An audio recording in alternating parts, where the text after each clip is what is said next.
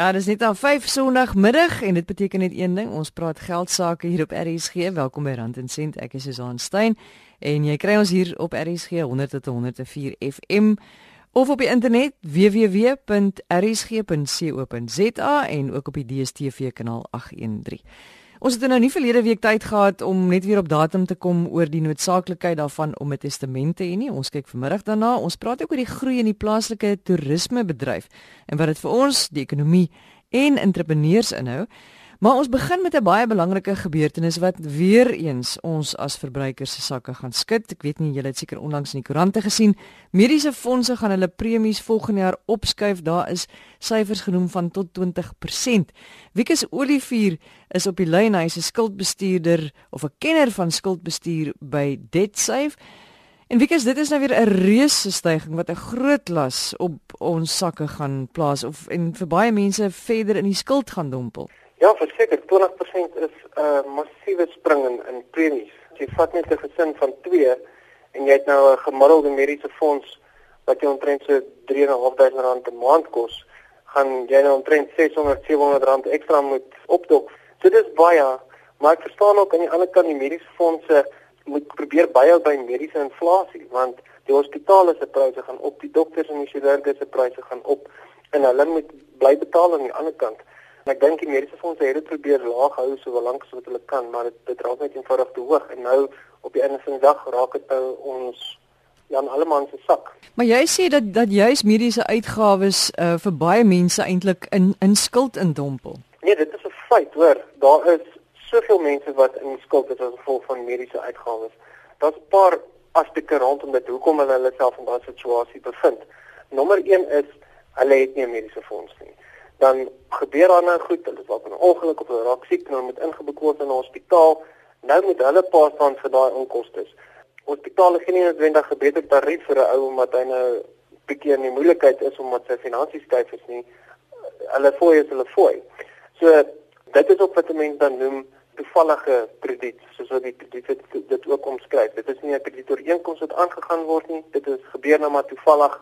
Jy kry die diens en jy sal hom betaal binne 30 dae dan kan jy dit nou nie doen nie en dan raak dit nou skuld. Wat dan ook oorhandig word aan prokureurs waarop hulle kollekteer en waar daar nog fooie gelaai word ensovoorts. Tweede ding hoekom mense hulle self in daai situasie dan bevind is omdat hulle nie hulle het 'n mediese fonds dalk, maar gee dalk nie genoeg dekking nie. En daaroor is allerlei bybetalings en goed wat hulle moet maak wat hulle nie van geweet het nie. Omdat hulle dalk nie hulle poliskedules behoorlik deurlees nie soos byvoorbeeld 'n ambulans van die mediese fondse dek byvoorbeeld nie 'n ambulans se onkoste in die hospitaal te vat nie. Dan moet jy nou self pas dan vir daai, maar baie mense dink hulle mediese fondse dek daai ambulans tripie. So dit is belangrik dat mense verstaan wat word gedek, wat word nie gedek nie, dat jy in jou begroting kan inwerk wanneer daar bybetalings gemaak moet word, dat jy min of meer weet wat dit is en vir jouself 'n noodfonds kan opbou om dan nou hierdie goedjies weer te sien. Because as 'n mens nou nou strop trek, dan is mediese versekerings dikwels een van daai goed wat jy dink, ag, weet jy, ek gaan maar 'n kans vat. Ek dink ek gaan my versekerings kanselleer, maar dis juist wat 'n mens nie moet doen nie. Nee, dit is die eerste ding wat wat by die deur uit waai is wanneer die dinge begin bietjie moeilik gaan. As jou mediese versekerings te duur raak, moet jy definitief kyk na 'n goedkoper plan. Kry ten minste ten minste 'n hospitaalplan. Dat jy net weet As jy in die hospitaal ingeboek word, is jy gedek vir wat ook al daar moet gebeur. Maar om sonder 'n mediese fonds rond te loop is so gevaarlik. Jy stel jouself totaal en al bloot as jy daai skuld op jouself moet neem en dit kan honderde duisende rande beloop van wat ek nou al gesien het. Dan gaan dit vir jou jare vat om om daai terug te betaal. En dan moet jy intussen nou nog wat jy die skuld probeer vereffen en op datum bring, moet jy probeer aan die jou huishouding aan die gang hou en jy moet nog 'n kar betaal en al wat dit so voorkoming is beter as om dit te probeer uitsorg na die tyd. Nou wat sê jy vir mense? Hulle het nou ehm um, miskien 'n probleem. Wat wat moet hulle doen? Daadwerklike stappe wat jy kan doen om jou mediese versekerings laag te hou en seker te maak dat jy verseker goed gedek is wat jy dalk dink nooit met jou gaan gebeur of jy nie gaan nodig hê nie. Ja, ek dink stap 1 praat met jou finansiële adviseur dat hy vir jou die mediese fonds se terme baie mooi verduidelik. Wat word gedek? En wat word nie gedek nie. Vergewis jouself met daai feite. Dan die tweede ding is sorg dat jou dekking genoegsaam is vir jou behoeftes. Ek kan nie sê hoeveel dekking het elke ou nodig nie. Dit hang af van sy eie unieke profiel, sorg dat dit genoegsaam is vir jou profiel. Dan wanneer jy in die sop of in die gemors is, dat jy nou nie dekking gehad het nie, jy sit met massiewe mediese rekeninge. Onthou dit word omskryf deur die kredietwet. Dit val dan onder die kredietwet as toevallige skuld en jy kan dit insluit by byvoorbeeld soos skuldberading tipe benadering. As jy nie genoegsame geld het om dit af te betaal nie. Maar die belangrikste is dat jy 'n reëling tref met daai prokureurs of die mediese instansie waar daai rekening is, tref 'n reëling met hulle vir 'n afbetaling wat jou sak pas en die manier hoe jy gaan weet of dit jou sak pas is as jy 'n begroting optrek. So doen daai begroting, benader hulle sommer klaar sê hier is wat ek kan bekostig, is dit aanvaarbaar vir julle. Wie gesê jy het net gepraat van dat 'n mens moet seker maak waarvoor jy alles gedek is soos dat jy weet as 'n ambulans jy moet vervoer ensovoorts. Maar ek dink aan gevreesde siektes, 'n mens moet sekerlik ook seker maak dat jou mediese fonds dit dek. So gevreesde siektes is definitief 'n probleem. Baie lewenspolisse dek gevreesde siektes waar jy uitbetaling kry as hulle as jy dan daai tipe siekte opdien. Maar kanker is 'n groot een, soveel mans en vrouens wat gediagnoseer word met dit en die chemo en al die behandeling en en en daai wat daarmee gepaard gaan is derduisende rande. Fikus maar as jy nou in die moeilikheid is en jy kom agter o aarde, ek gaan nie die pyp rook nie, ek is reeds in die skuld, wat doen jy dan? Ja, as jy in die moeilikheid is, dan moet jy nou begin plan maak. Jy jy moet definitief stap 1 benader die mediese instansie of die prokureurs of waar ook al jou mediese rekening lê op daai stadium. Benader hulle met wat jy kan bekostig en sê vir hulle hier is my begroting, dit is wat ek kan bekostig, is hierdie ooreenkoms aanvaarbaar vir julle en jy verdeel dit op in 'n betaalplan. Teen teen een sal hulle vir jou sê maar sit dalk net 'n 100 of 200 rand by dat mense ergens in die middeweg kan by mekaar uitkom. Maar daai begin by 'n begroting. Jy moet weet hoeveel jy kan bekostig en wanneer jy jou saak kan staaf gedurende daardie onderhandelinge oor 'n oor 'n afbetaling, dan gaan jy regkom daar. Wanneer jy nie regkom met hulle direk nie, dan is daar nou ander opsies want die toevallige skuld, mediese uh, skuld val onder toevallige skuld, dit word omskryf deur die kredietwet, so dit laat 'n ou toe om daai skuld binne in 'n uh, oplossing soos skuldberading in te trek waar 'n skulddrader dan namens jou met die mediese instansies of die prokureurs kan onderhandel vir afbetaling. En dit gee nou weer ander tipe beskerming want dit sluit al jou skuld in ook nie net jou mediese rekening nie. So mense moet maar gaan kyk na al die opsies.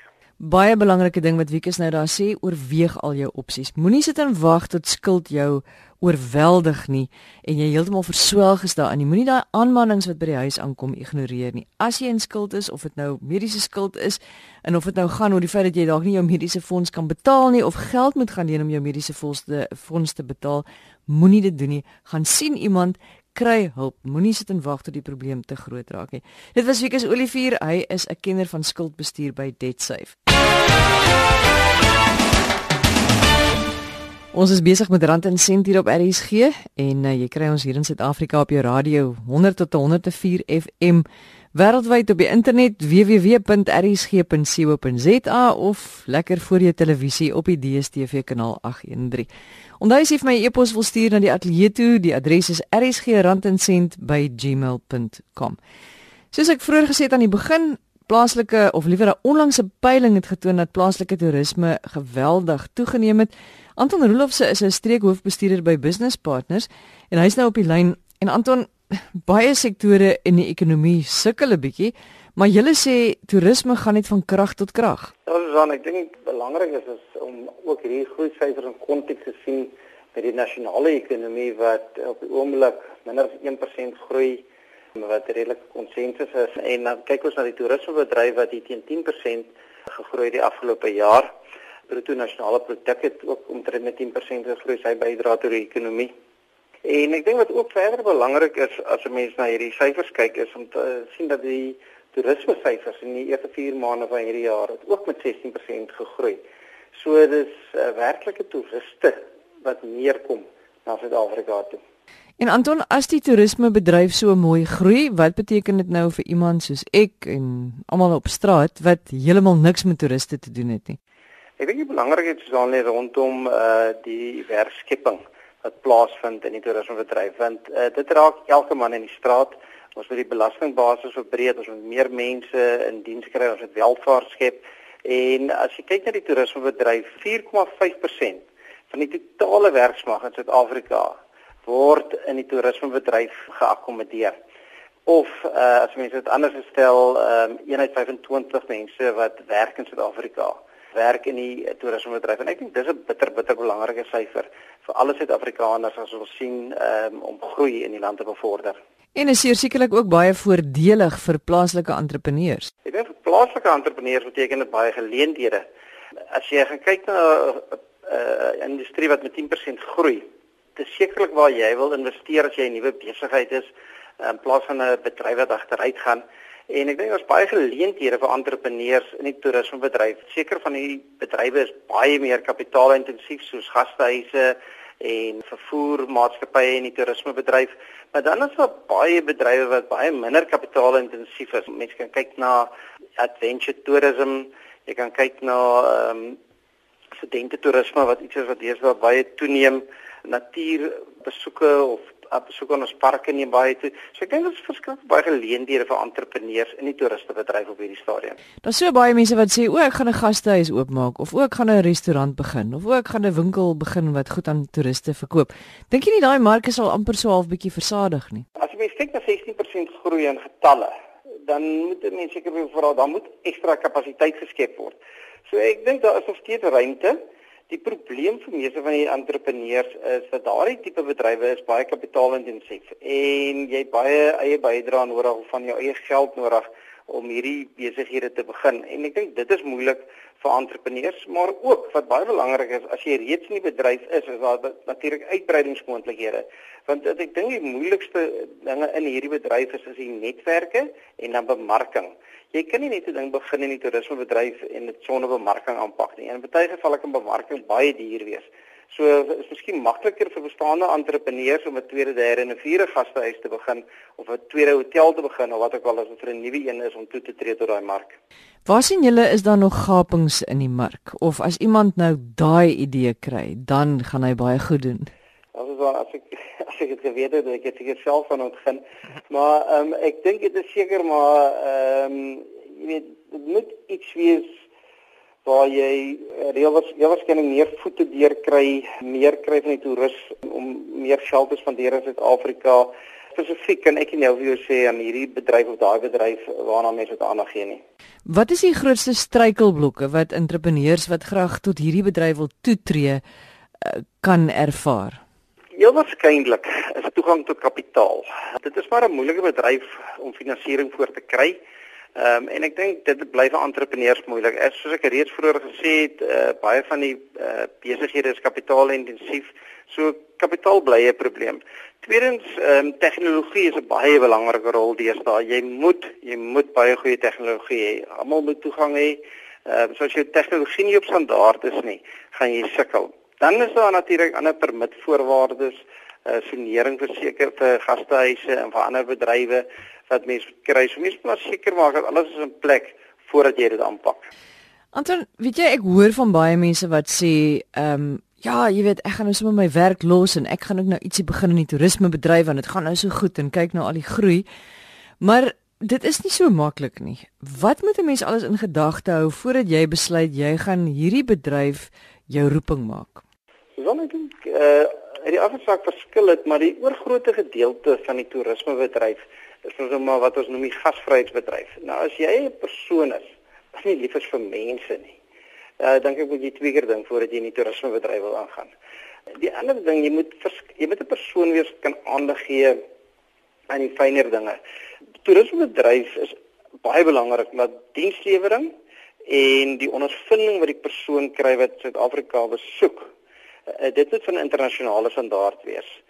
Die persoon moet weer en weer wil terugkom.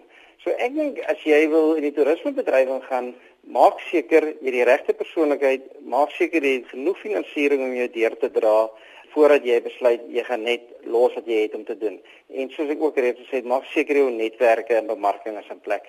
Anton Meyer, dankie. Is Anton Roloff sy is 'n streekhoofbestuurder by Business Partners en uh, daar sit nou weer bemarking van jou besigheid wat baie belangrik is. Ons het verlede week juis oor bemarking gepraat as een van die laaste van vier pilare waarop 'n suksesvolle besigheid rus. 'n uh, Reeks wat ons gedoen het saam met Delphine van Wyk. So as jy weer daarna wil gaan luister, leierskap, tydsbesteding, finansies en dan nou veral bemarking, kan jy gerus gaan na www.rsg.co.za en dan gaan jy na al die rand en sent programme en uh, of jy klik op pot gooi en dan gaan jy na rand en sent en dan kan jy die program weer luister of jy kan dit aflaai en in jou eie tyd gaan luister in MP3 formaat. 'n Tyd gelede was dit internasionale testamente week en om ons net weer op die hoogte te bring van hoe belangrik 'n testament is, hoekom dit so belangrik is om een te hê en hoe jy dit reg kan doen. Hier is Olivia de Vreitas, sy is 'n prokureur van Charlene Schroeder Prokureurs. Dit is baie belangrik om 'n testament te hê sodat jy seker maak die mense wat jy wil erf gaan inderdaad erf. Jy wil nie hê dat daar 'n ver langse familielid dalk moet erf as jy wil hê 'n spesifieke persoon moet erf nie. As jy nou sou doodgaan sonder 'n testament hmm. in te staat, wat gebeur dan? Een van die dokumente wat moet ingevul word as die boedel gerapporteer word by die meesterskantoor is 'n naasbestaande verklaring. So daarop word dan geskryf wie is jou naasbestaandes. Een van die vrae is, het jy eggenote? As die antwoord is nee, dan vra hulle, het jy kinders? Nee, het jy ma en pa? Lewe hulle nog? Ja of nee, broers en susters? kinders van broers en susters ensovoorts. So dit is 'n hele, wil ek amper sê, hulle kyk na jou familie stamboom om te kyk wie moet dan erf. So met ander woorde, jy gaan dalk dood, jy het jou familie in jare nie gesien nie of jy kom glad nie met hulle oor die weg nie en dan gaan hulle jou goed, iemand in jou familie gaan jou goed erf as daar familie is. Ja, ons het al 'n so, geval gehad waar daar iemand was wat geen kinders of ouers of broers en susters het nie. Toe moes ons iemand opspoor oor see wat actually 'n ver langse familielid was wat toe geërf het. En as daar geen familielid is nie? Dan word die geld in die voogdyfonds van die meesterskantoor betaal. Is dit belangrik om jou testament deur 'n prokureur te laat opstel of kan jy sommer daar by die kombuistafel sit en gou-gou ietsie neerskribbel op 'n stukkie papier? Daar is nie 'n reël of 'n wet wat sê jy moet dit deur 'n prokureur laat opstel nie, maar dit word definitief aanbeveel om te gaan na iemand wat spesialiseer in boedels en testamente want baie mense weet nie dat byvoorbeeld as jy 'n eksekuteur aanstel of 'n erfgenaam nomineer in die testament dan kan die eh, daai spesifieke persoon of hulle eggenote mag nie as getuies teken nie. Partykeer laat hulle net die getuies op die laaste bladsy teken en nie alle bladsye nie. Partykeer laat hulle net die getuies parafeer in plaas van volle aantekeninge maak. So dit is definitief belangrik. Jy gaan 'n bietjie geld spandeer om na 'n prokureur toe te gaan, maar ten minste weet jy dit word reg gedoen en dan gaan nie gevolge later aan wees nie. En die inhoud van die van die testament, uh, gaan dit verskil as 'n prokureur doen? Is daar sekere puntjies wat 'n mens van moet weet dat as jy dit verkeerd neerskryf, as jy net iets neerskryf dat 'n prokureur beter weet? Nie noodwendig die inhoud nie. Kyk, meeste mense weet as hulle testament opstel, hulle benoem 'n eksekuteur en dan die erfgename. Dit is iets wat jy self kan doen, maar die fynere goed is byvoorbeeld wat ek nou gesê het van 'n erfgenaam of 'n eksekuteur wat nie mag teken as getuie nie of hulle mag nie die testament in hulle handskrif uitskryf nie want dan mag hulle nie erf nie. So met ander woorde is ek nou vir my ma vra, "Ma, skryf gou my testament, maar jy kry alles." Hm dan is dit nie geldig nie. Dit sal geldig wees, maar sy sal net kan erf wat sy sou gekry het in terme van die intestate erfreg. So as jy byvoorbeeld dan sien nou maar kinders en 'n man het, dan sal jou ma niks kry nie want sy sou nie in terme van die intestate erfreg kon erf nie want jou kinders en jou man sal dan in terme van die intestate erfreg die erfgename wees. Al sou dit my begeerte wees dat sy alles moet kry. Ja. Om aan te sluit nou hierby, kan 'n testament met die hand geskryf word of moet dit maar eerder getik word? Dit kan met die hand geskryf word, maar daar moet jy nou weer let wie gaan dit skryf. Die testateur kan dit skryf of iemand anders kan dit skryf, maar die persoon wat dit skryf sal nie kan erf as hy die erfgenaam of eksekuteur in die testament is nie. As jy oorledene byvoorbeeld polisse het of anniteite of so en daar's nou 'n begunstigde genomineer, wat moet jy dan doen? As daar begunstigdes genomineer is op polisse of beleggings, dan sal dit direk uitbetaal aan daai persoon wat genomineer is. Dit sal nie boedel toe kom nie. Die enigste keer wat dit dalk nie 100% so gaan gebeur nie is as dit by 'n pensioenfonds is. Party pensioenfondse werk dan in terme van artikel 37C van die pensioenfondswet. Hulle kyk na wie se afhanklik is van die oorledene, finansiëel afhanklik. So as jy byvoorbeeld jou kinders nomineer, maar jou man is finansiëel afhanklik van jou, dan sal die trustees van die pensioenfonds besluit gaan hulle aan die kinders die genomineerdes vir die kinders is betaal en die man of net aan die kinders of net die man hulle het daai diskresie om dan te besluit aan wie hulle gaan betaal. Dit voel vir my baie onregverdig. Dit is nogal onregverdig. Okay. Ek dink so. So so wanneer jy 'n begunstigde het van so 'n polis, jy hoef dit nie in jou testament weer te noem nie. Nee, jy kan dit noem as jy wil, maar daai nominasievorms is in elk geval by die instansies. So as die eksekuteur of die um, boedelberedder dan die instansie laat weet dat jy gesterf het, dan sal hulle daai vorms oplêer en hulle sal dan weet aan wie om uit te betaal. Sien nou maar daar's net 'n testament en jy die prokureur het geen idee wat se beleggings daar alles is nie. Hoe gaan die prokureur weet? Dis hoekom dit belangrik is dat jy dokumentasie hou van al die plekke waar jy polisse en beleggings het en dat jy ook jou testament by daai dokumente hou en dan vir 'n familielid of 'n vriend of iemand sê waar al die dokumente is sodat wanneer jy te sterwe kom, hulle al die dokumente na die prokureursfirma toe kan vat of na die eksekuteur toe kan vat en sê dit is al die polisse wat sy gehad het of hy gehad het en al die bates wat hy of sy gehad het. Wat gebeur nou wanneer 'n man en 'n vrou binne gemeenskap van goedere getroud is en die een gaan nou dood? En hulle het net een bankrekening en dit is nou byvoorbeeld in die naam van die oorledene. Wat maak die een wat nou agterbly om dan geld te kry want daai bankrekeninge word mos gesluit. Kyk, sodra iemand gesterf het, dan word die boedel gerapporteer by die meesterskantoor en dan wag jy vir die eksekuteursbrief of die magtigingsbrief. Gewoonlik jy kan nie doodsertifikaat stuur so lank vir die instansies, maar hulle wag altyd vir die eksekuteursbrief of magtigingsbrief voor hulle gaan uitbetaal. So in daai tyd en totdat die boedel klaar is, wanneer die erfposies dan nou uitbetaal word, wat doen die persoon wat nou oorbly? In terme van artikel 26A van die boedelwet kan hulle 'n voorskot kry, so die eksekuteur of die administrateur sal dan vir hulle 'n voorskot uitbetaal of 'n maandelikse amper wil ek sê onderhoud betaal totdat die boedel klaar is. Hoe lank neem dit gewoonlik want dit is nogal 'n lang proses vir so 'n boedel om afgehandel hmm. te word? Dit kan 6 maande vat, dit kan 6 jaar vat. As dit baie ingewikkeld is in die erfgename beklei, kan dit baie baie lank vat. Maar ek sal sê rapporteer die boedel so so gou as moontlik. Vul in jou um, aanmeldingsdokumente, kry dit by die meesterskantoor en dan wag jy vir eksekuteursbrief of magtigingsbrief. Dit kan ook 2 weke vat tot 6 maande, dit hang af. So sodra jy dan nou daai eksekuteursbrief het of die magtigingsbrief, dan kontak jy die instansies, die eksekuteur sal die boedelrekening oopmaak, advertensies plaas, die geld in die boedelbankrekening inkry, die likwidasie en distribusie rekening opstel, weer adverteer, daai advertensie loop vir 21 dae en as 21 dae verby is, dan kan jy die erfgename uitbetaal en die bates oordra.